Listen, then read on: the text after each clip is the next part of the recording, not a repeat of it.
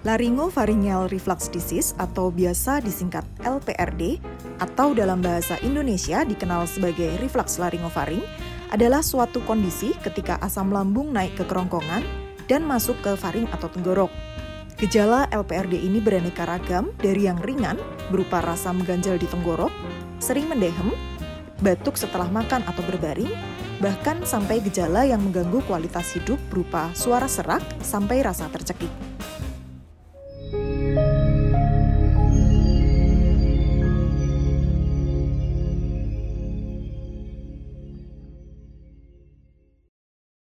Salam sehat untuk kita semua.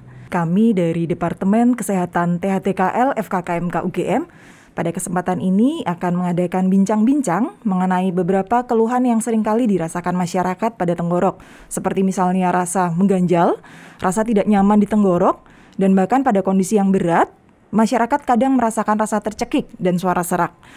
Bersama ini, kami akan menanyakan mengenai masalah ketidaknyamanan pada tenggorok pada Dr. Agus Surono.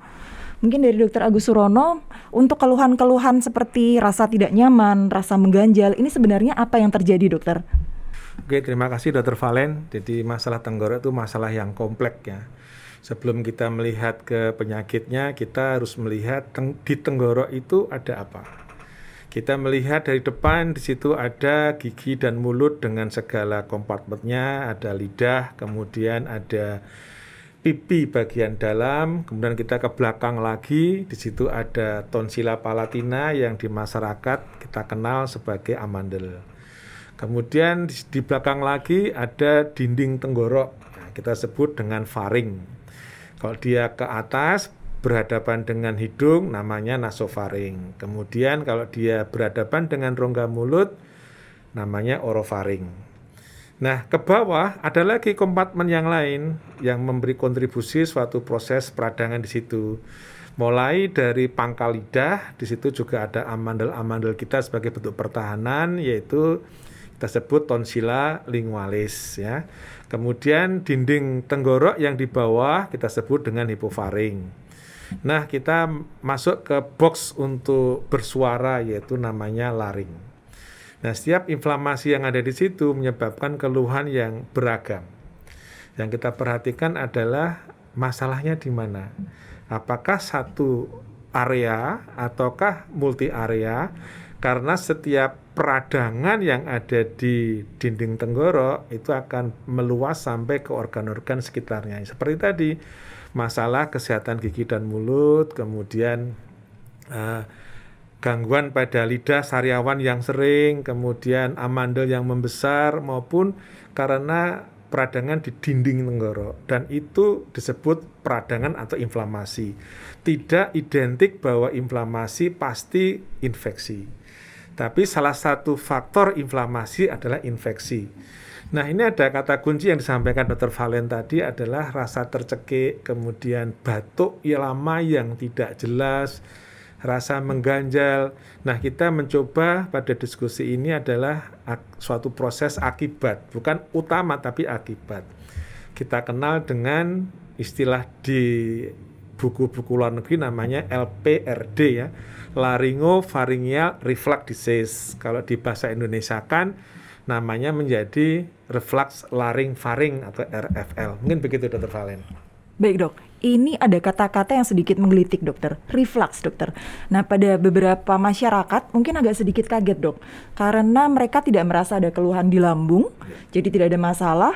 Namun tiba-tiba ketika dikatakan sebagai suatu reflux, ini mereka jadi bertanya-tanya dokter. Mungkin bisa dijelaskan lebih lanjut dokter.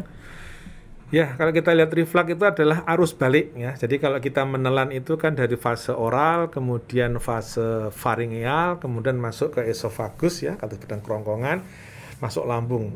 Idealnya seperti itu, tapi pada suatu saat ada proses reflux, arus balik yang dari lambung sudah bercampur dengan kompartemen yang diproduksi oleh lambung, baik itu asam, itu pepsin, ya. Kemudian ada eh, bentuk-bentuk uh, yang non acidic produk dari empedu itu dia akan balik arus balik. Yang kita perhatikan adalah desain dari tenggorok kita ini, dari mulai dinding faring, laring, kemudian daerah lidah, itu tidak didesain untuk tahan asam. Ya, sehingga kalau ada arus balik yang keluar atau atau membalik ke daerah orofaring akan menyebabkan proses yang kita sebut dengan iritasi. Nah, iritasi itu kalau sudah menjadi manifestasi ya, maka terjadi peradangan yang kita sebut dengan kalau tadi LPRD, kalau sekarang namanya ya di bahasa Indonesia-nya adalah reflux laryngofaring. Untuk reflux ini sendiri dokter, berarti uh, apakah memang setelah terjadi reflux gejala-gejala itu akan secara otomatis muncul dan kemudian untuk apa saja yang bisa dilakukan dokter bila masyarakat ini mengalami gejala-gejala yang sebenarnya mungkin bisa dikatakan tidak spesifik nih dok? Ya, karena reflux itu tidak perlu nuwun ya. Jadi kalau kita lihat anatominya bahwa kejadian reflux itu tidak mesti harus kejadian yang patologis. Artinya ada masalah di lambung dulu baru dia naik. Itu tidak. Yang sering terjadi adalah masalah yang di lambung itu akan terjadi arus balik apabila satu ada tekanan yang berlebihan. Ya, sehingga dia akan membalik. Yang kedua adalah adanya sifat pengosongan lambung yang jadi lama, apa pun penyebabnya bisa karena organik di lambung sendiri maupun karena neurogenik ya nanti kita diskusi mungkin apa sih hubungannya dengan stres dan sebagainya. Yang ketiga adalah karena proses relaksasi dari esofagus. Yang kemudian yang berikutnya lagi adalah proses gangguan sphincter. Jadi kalau di kerongkongan itu kan kita punya sphincter nih. Ada yang di atas namanya upper esophageal sphincter, yang di bawah lower uh, esophageal sphincter itu gunanya kan menahan arus balik. Tapi pada kondisi tertentu dia terganggu. Nah mungkin yang jadi pertanyaan adalah kenapa saya kok banyak pasien kan dokter Valen ya mengatakan Jir. bahwa saya tuh nggak punya mah dok kok dikatakan ada reflux. Ya. Yang jadi masalah manifestasi klinis yang ada di rongga tenggorok itu bukan proses yang mendadak sifatnya, tapi proses yang panjang. Nah orang dengan kemampuan tubuh yang bagus punya mekanisme adaptasi atau kompensasi pertahanan tubuh. Tapi kalau diserang terus pasti ada radang. Yang jadi masalah adalah kapan toh reflux itu muncul? Yang paling mudah adalah pada saat malam hari. Maka kita mengenal adanya silent reflux. Ya, bahasa kerennya lagi namanya nocturnal reflux. Jadi saat kita makan eh, asam lambung dan teman-temannya masih bekerja di situ, kita tidur, kemudian terjadi relaksasi di daerah esofagus, maka ada arus balik. Nah, itu yang terjadi ya. Kalau kita di esofagus, mereka masih punya mekanisme proteksi sehingga kalau kita istilahkan ada namanya gastroesophageal reflux yang fisiologis kita sebut dengan GER. Tapi jangan disamakan dengan GERD ya. GERD itu artinya gastroesophageal reflux disease. Dia sudah menyebabkan penyakit di esofagus. Tapi pada GER itu kadang-kadang fisiologis. Sehingga pada beberapa buku dikatakan dalam satu hari terjadi fisiologik reflux atau arus balik ke daerah esofagus itu masih dikatakan normal. Tapi kalau dia ke atas, karena kita tidur tanpa bantal misalnya dokter Valen ya, kemudian kita habis makan langsung tidur, itu akan terjadi kelebihan pada zat-zat yang dikeluarkan lambung terus dia naik ke atas. Nah, masalahnya adalah dinding tenggorok kita itu tidak didesain untuk tahan terhadap asam. Belum nanti kita bicara pepsin, nanti suatu saat kita diskusi tentang pepsin ya, karena itu suatu bentuk yang sangat kompleks dan jangka panjang. Yang jadi masalah lagi adalah obatnya belum ada. Ya, jadi kuncinya satu, bahwa terjadi reflux tidak harus ada masalah di lambung. Yang kedua adalah proses kejadian ini tuh lama.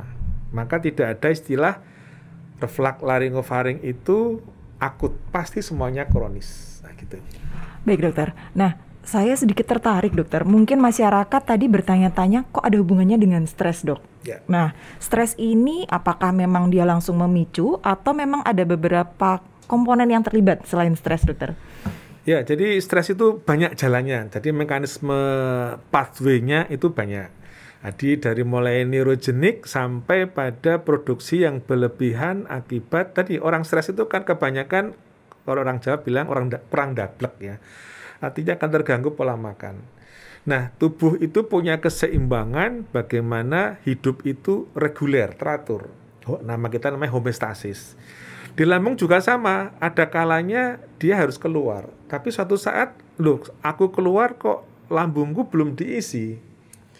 Ya, selama ada eksesif atau kelebihan produk dari lambung dari mulai asam, pepsin maupun yang lain, dia akan bisa ke mana-mana. Kalau ke bawah dia bisa iritasi di usus, maka kan kita sering ya kita BAB-nya tidak lancar, kemudian kembung, kemudian mencret, mohon maaf ya, itu kan kalau dia ke bawah, salah satu faktor risikonya itu. Nah kalau dia ke atas, ya tadi. Jadi dampaknya bisa banyak, bisa karena produksi yang berlebihan, kemudian kita pernah ikut diskusi dengan Dr. Ismail dari Saraf, adalah karena terjadi pengosongan lambung yang lambat sehingga terjadi pengumpulan makanan di situ, terjadi distensi sehingga terjadi arus balik.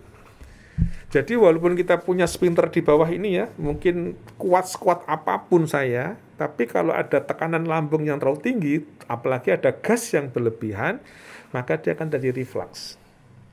Yaitu sebenarnya hukum alam ya, artinya bukan sesuatu yang bahaya enggak. Tapi yang kita perhatikan, loh, kenapa kok seperti itu? Dan yang jadi masalah kadang-kadang orang stres itu terus lupa move on. Jadi penyakitnya lama, kemudian mungkin dokter Valen tahu ya, jadi kadang-kadang terjadi dokter shopping kan, muter-muter, dan kita kadang-kadang berpikir instan. Kunci tadi adalah prosesnya panjang, pasti kronis. Ya, maka untuk mengembalikan juga perlu proses yang panjang. Tapi pasien pengennya instan. Nah, seperti itu. Jadi masalah itu yang harus uh, dipahami oleh pasien. Ya tadi nanti kita bicara tentang terapi, nah, nanti ada kata kuncinya lagi, Dokter Fahmi. Baik, Dokter.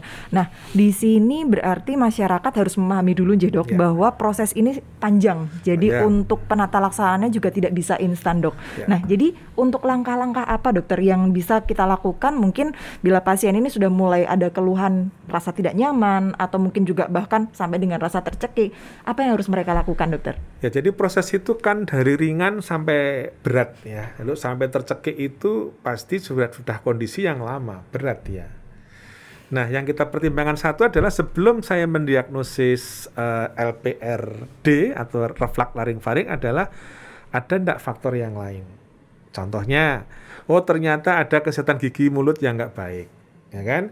Kemudian yang kedua ada tidak peradangan amandel yang lama sehingga menjadi potensi dia sebagai faktor inflamasi di situ atau atau infeksi. Berikutnya lagi ada tidak? Nah, ini yang kita sering lupa adalah anatomi dari daerah rongga mulut. Ada yang nyempit. Ada yang lidahnya itu besar. Sehingga bernafasnya itu akan terganggu. Yaitu menyebabkan uh, pemberat dari faktor reflux laring-faring tadi. Jadi kalau kita ingin bicara laring-faring kita pastikan dia sendirian sebagai akibat dari arus balik tadi atau memang ada kontributor dari penyakit-penyakit di sekitarnya. Nah, itu harus awareness.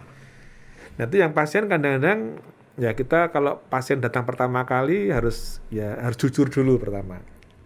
Ya, jadi kadang-kadang kalau kita sudah paham itu penampakan di awal itu kan kelihatan nih, uang stres ini. Tapi saya nggak boleh menanyakan Bapak Ibu stres ya. Enggak tapi kita lacak dulu. Jadi manifestasi yang manifestasi klinis yang muncul itu apa saja. Dan kita lihat oh ternyata ada faktor-faktor yang lain. Oh saya juga ikut uh, apa gangguan mendengkur bahkan sampai henti nafas. Jadi kalau pengalaman saya sih kebanyakan kasus itu kompleks ya, tidak murni itu hanya reflux dari asam lambung ke tenggorok ya. Tapi jangan nunggu asam lambungnya itu bermasalah di lambung. Nah, kalau sudah bermasalah di lambung, wah itu udah parah. Ngobatinya susah. Nah, itu mungkin dokter Valen. Nah, selain pengobatan secara mungkin secara medis, dokter, masyarakat ini kan beberapa kadang mungkin, aduh, saya di rumah harus harus berbuat seperti apa, harus melakukan tindakan apa, atau mungkin diet yang harus saya atur seperti apa. Nah, mungkin dokter Agus bisa menjelaskan.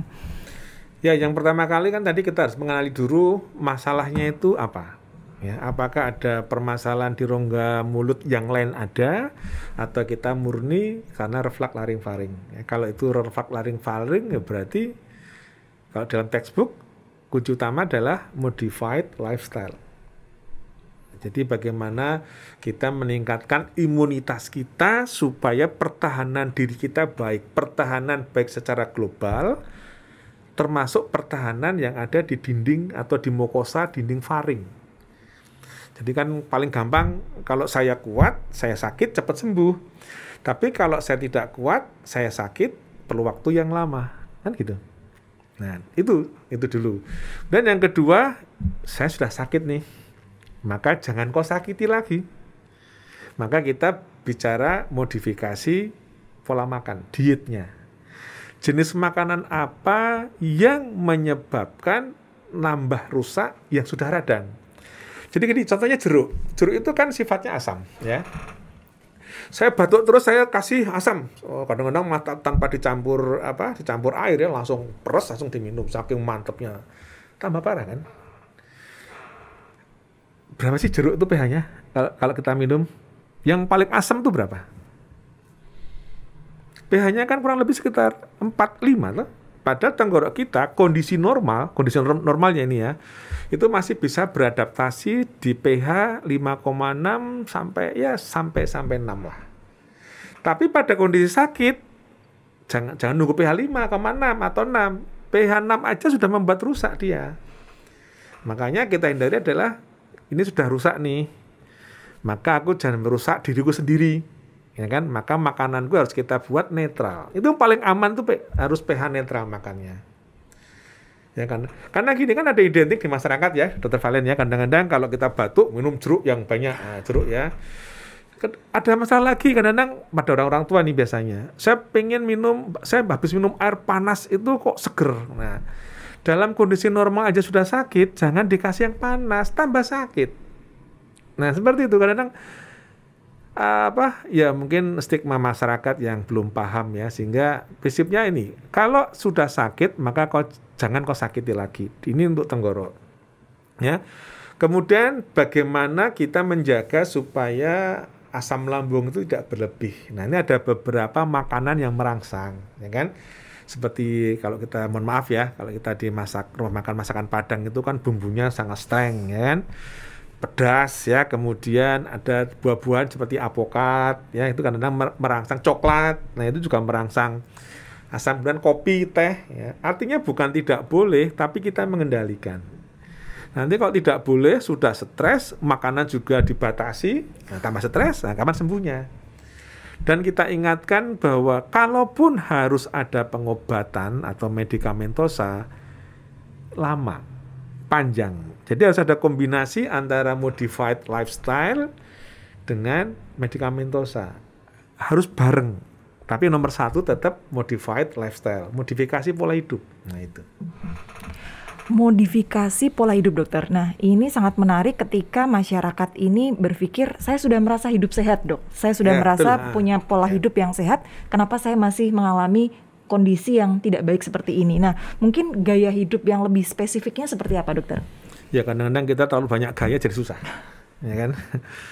Ya, gaya hidup yang baik itu adalah menurut saya baik, tapi belum tentu baik buat tubuh saya.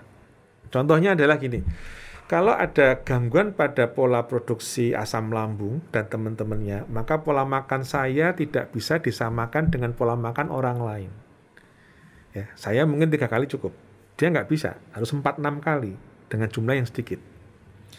Kalau saya ada gangguan pengosongan lambung yang lambat, maka pola makan saya dirubah. Ya kan? Kalau saya ada masalah peradangan di tenggorok, maka pola makan saya jangan yang merangsang tenggorok. Eh, eh sudah sudah pasti dihindari. Goreng-gorengan dikurangi. Kalau mau yang goreng sendiri, terus minum yang banyak. Ya, yang lupa ada satu. Kalau kulit kita ini kering kan kita butuh pelembab ya. Nah, kalau tenggorok kita kering karena proses iritasi yang lama, dia juga butuh pelembab. Nah, kita kasih air. Itulah gunanya minum air. Maka ada beberapa buku yang mengatakan minum air yang ideal adalah 30 sampai 35 cc per kilogram berat badan kan. Kalau dalam tenggorok ya prinsipnya tadi untuk melembabkan. Catatannya apa? Suhu air yang sama dengan suhu tubuh saya. Maka nggak boleh dingin, nggak boleh panas. Eh, itu kuncinya. Ya. Nah, selain terkait konsumsi dokter, mungkin beberapa masyarakat uh, apakah terkait pola tidur, kemudian terkait juga posisi saat tidur, kemudian jam saat makan, mungkin bagaimana dokter? Ya, Ada lagi uh, kita bicara tidur ya. Jadi kalau bisa itu saat tidur tuh posisi lambung itu sudah tidak ada sisa-sisa asam dan teman-teman yang berlebihan. Maka ada pola makan terakhir dengan tidur tuh jaraknya sekitar dua setengah sampai tiga jam. Dan harapan kita tidur tuh sudah selesai permasalahan di lambung. Kemudian yang kedua ada posisi kepala lebih tinggi. Jadi gini, kalau saya kebetulan saya sedikit obes ya, sedikit aja lah, sedikit obes, kemudian saya tidur tanpa bantal, maka posisi lambung saya itu lebih lebih tinggi, ya, maka kemungkinan dia silent reflux pasti ada. Nah, berarti kita posisi kepala lebih naik. Ya, elevasinya sekitar 20 sampai 30 derajat lah. Kemudian kita tahu posisi lambung itu di kiri. Ya kan? Maka kalau kita apa miring ke kiri, maka dia akan tertekan. Nah, pengalamannya adalah nanti akan kentut. Terus perih. Nah, maka kita harus miring ke kanan. Nanti untuk menghindari tekanan yang ada di asam lambung. Tuh. Kemudian sehari-hari ya ini yang kadang sering apa? Sering keliru ya. Kalau kita sudah punya perut yang penduler, mestinya ikat pinggang jangan terlalu kencang-kencang lah. Saya malah merekomendasikan menggunakan apa yang jumper itu ya, Uh, mungkin yang perlu kita ingat lagi adalah ini sering lupa ya. Kita saya sering menyebut ke beberapa penderita itu dengan vitamin O. High dose O vitamin. Itu olahraga. Ya. Jadi orang-orang yang sudah berpenyakitan ya, itu kita kalau olahraga itu tidak mengejar power maupun speed. Tapi kita kejar endurance jadi ketahanan tubuh kita itu bisa terjaga kalau kita endurance. Maka motivasinya adalah bagaimana olahraga itu ringan tapi rutin. Nah, beberapa ahli juga merekomendasikan orang dengan reflux ya. Jangan jangan nunggu sampai lambungnya bermasalah dulu. Di awal-awal adalah dengan berenang apa pun gaya berenangnya, mau gaya dada, gaya kata, atau gaya punggung, kalau itu betul, itu akan bagus membantu mengencangkan otot-otot yang di sini sehingga bisa menahan arus balik yang berlebihan. Nah, nggak bisa asal berenangnya bagus dan efisien itu sangat membantu. Karena saya termasuk orang yang mazhab tidak suka obat terlalu banyak. Kenapa? Ya tadi kita tahu bahwa Tuhan itu sudah memberikan banyak hal dalam tubuh kita dari proteksi awal sampai akhir pertahanan di atas dan di bawah itu sudah komplit. Nah itu yang kita bangkitkan. Nah, itu. Baik dokter, terima kasih sekali. Jadi sudah jelas di sini bahwa kondisi itu adalah sesuatu yang lama, dok. Ya, jadi panjang. sesuatu yang panjang. Jadi tidak mungkin untuk mengembalikan ke kondisi normal membutuhkan waktu, waktu yang pendek. pendek. Ya, betul, betul dokter. Nah ini masyarakat mungkin mulai sedikit terbuka dan mulai banyak tahu bahwa kondisi ini adalah sesuatu yang kompleks, tidak hanya terjadi karena satu jalur saja, namun perlu dilihat apakah ada kemungkinan dari banyak faktor ya, ya dok. Nah kemudian dokter untuk pengobatan atau medikamentosa, kira-kira pasien ini kan pasti beberapa sudah googling ya dok ya, ya. mereka sudah pasti mencari dan ya. mungkin coba-coba obat yang bisa dibeli sendiri ya. di apotek dok. Nah ya. sebenarnya untuk pengobatan sendiri seperti apa dokter? Ya, terima kasih. Jadi pengobatan itu agak uniknya karena respon pada terapi medikamentosa atau dengan obat yang diminum itu variasinya dari 25 sampai 80% efektivitasnya. Jadi faktornya banyak. Nah, kita kembalikan satu orang dengan orang lain itu kan faktor penyebabnya beda-beda. Kemudian latar belakangnya beda-beda. Maka kesepakatan para ahli kalau itu yakin hanya LPRD yang dominan atau penyakit reflux laring-faring yang dominan, maka bisa diberikan di awal terapi ya, namanya initial treatment itu adalah golongan PPI, proton pump inhibitor. Ya, jadi kita kenal misalnya yang generasi pertama itu kan seperti apa? lansoprazol, kemudian eh, uh, omeprazol. Nah, itu perlu diberikan dengan uh, rutin jadi tidak bisa sekarang minum besok enggak. Jadi dosisnya rata-rata diberikan sehari dua kali. Kalau dosis itu 30 mg ya. Baik itu lansoprazol maupun uh, omeprazol kemudian kita perhatikan kita evaluasi. Jadi terapi ini tidak bisa sesaat kita lepas ke pasien. Pasien harus kita kawal. Nanti kadang-kadang supaya kita bisa paham selalu mengingatkan, ini loh masalahmu tidak hanya obat loh. Ada ndak pola hidup yang sudah kau rubah? Maka untuk melihat respon terapi biasanya kita melihat sampai 3-4 minggu. Ya, jadi ada bagian pasiennya sendiri yang berubah, kemudian uh, ada terapinya. Jadi bareng-bareng dia. Nanti kita lihat 3-4 minggu itu biasanya memberikan respon, baik yang respon baik maupun respon setengah baik. Nah, kalau responnya tidak baik, baru kita pertimbangkan ada ndak obat yang lain. Jadi beberapa alternatif misalnya uh, mukosal protektan ya, jadi untuk melapisi mukosa misalnya golongan sukralfat, kemudian ada yang uh, menetralkan asam lambung, ada lagi yang anti pepsin ini masih debatable ya karena antara asam dan pepsin itu mempunyai equal contribution terhadap proses peradangan yang di tenggorok. Nah masalahnya nekan pepsin itu sulit. Dan kalau ada pepsin kena di dalam tenggorok dia tidak hanya sighting atau duduk di situ tapi dia sampai nembus ke arah submukosa. Jadi itu kenapa inflamasi itu bisa lama sekali di tenggorok karena akibat pepsin. Jadi bukan karena pepsinnya barusan naik, bukan. Dia udah menetap di situ. Makanya saya bilang tadi bahwa reflux laring-faring itu prosesnya panjang. Nah, itu perlu kesabaran. Ya. Nah ini ada yang sedikit lupa tadi dokter Valen. Jadi kadang-kadang karena dia laring-faring itu keluhannya ada di suara. Saya suaranya serak dok. Saya tuh penyanyi. Sekarang saya bisa nggak bisa nyanyi. Kalau saya saya bercanda Ibu masih bisa menyanyi, tapi buka mulut doang, nggak usah bersuara. Kan suara lima. Suara lima itu kan buka mulut tapi sambil gaya. Nah, kan ada, ada apa? Ada ada backsound. Ya kita harus melihat realitis bahwa kalau sudah laring kena itu sembuhnya agak sulit. Karena Tuhan itu mendesain laring itu sangat kuat ya dan jadi struktur anatominya itu sangat kecil-kecil tapi dia kuat. Kalau dia sudah sampai kena pengalaman saya tidak hanya reflux kontributornya jadi saya beberapa kali mengenali penderita, faktornya banyak. Kalau sampai serak lo ya, nggak jarang sekali yang suara serak itu muncul hanya akibat reflux. Tidak, pasti ada faktor yang lain. Nah, itulah kalau saya melihat itu kelebihan Tuhan menciptakan organ kita untuk bersuara. Paling sering adalah satu, penggunaan suara yang berlebihan. Kalau saya banyak menemukan penyanyi, yang penyanyi gereja atau penyanyi yang lain. Yang kedua guru guru apa sih yang sering teriak-teriak? TK. Ya kan, guru-guru TK, guru SD, ya. Kemudian penggunaan suara yang lain, dia biasa bersuara keras. Itu ya tipikal orang ada seperti itu.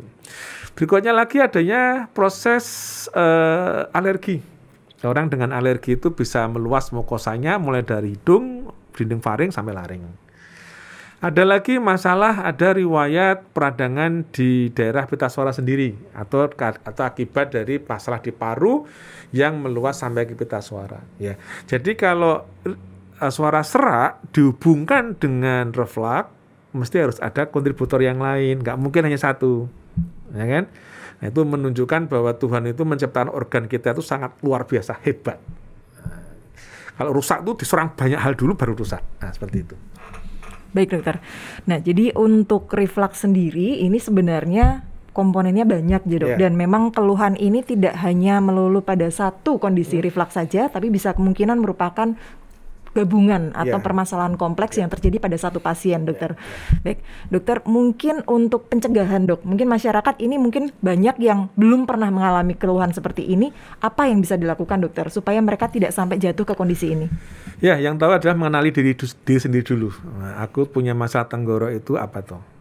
Selama ini kan kita kenal tenggorok identik dengan antibiotik dan anti radang. Nah, itu yang harus kita ajak masyarakat maupun tenaga medis mengerti melihat manifestasi klinis dari mana. Harus ada anamnesis, kejujuran di pasien. Sebenarnya mudah kok. Artinya kalau saya pribadi ya saya ikut mazhab yang konservatif menghadapi reflux itu mudah. Ya, kenali dulu sebabnya apa. Kalau saya orangnya pencemas, orangnya stres, ya berubah. Obat sebaik apa pun kalau kita masih stres ya nggak bisa. Pola makan saya bisa saya rubah enggak. Nah yang paling sulit adalah kalau diikuti oleh variasi anatomi. Yaitu rongga tenggorok itu sempit. tidak mesti mandelnya gede loh ya, tapi memang sempit. Jadi lidahnya itu besar, ya kan? Kemudian palatum mole, langit-langitnya itu turun ke bawah. Ya, kemudian lehernya pendek. Obese besar. Nah, itu penyulit kadang-kadang dikasih obat apa pun, pola hidup apa pun tidak bisa. Solusinya apa? Mau diet nggak tubuhnya? Mau merubah bentuk tubuh enggak? Yang kedua kita pertimbangkan kalau saya operasi, operasi yang mana? Nah gitu. Baik dokter, terima kasih sekali atas penjelasannya dokter Agus. Jadi mungkin sedikit saya simpulkan dokter, pada kondisi yang memang sering kali menyerang daerah tenggorok, banyak sekali faktor yang terlibat. Jadi tidak mungkin hanya satu saja, jarang sekali dokter. Dan memang biasanya prosesnya lama, yeah. sehingga untuk penata laksanaan mengembalikan kembali ke kondisi yang normal membutuhkan waktu yang lama juga. Nah mungkin sekian dokter, ya. bincang-bincang yeah. mengenai kondisi di tenggorok atau mungkin di sini adalah mengenai reflux laring-faring. Mungkin kita akan bertemu lagi dan kesempatan yang lain tentunya dengan topik yang jauh lebih menarik ya dok. Ya. Terima kasih banyak dokter Agus Surono atas segala penjelasannya. Sampai jumpa lagi di kesempatan yang lain dan salam sehat selalu.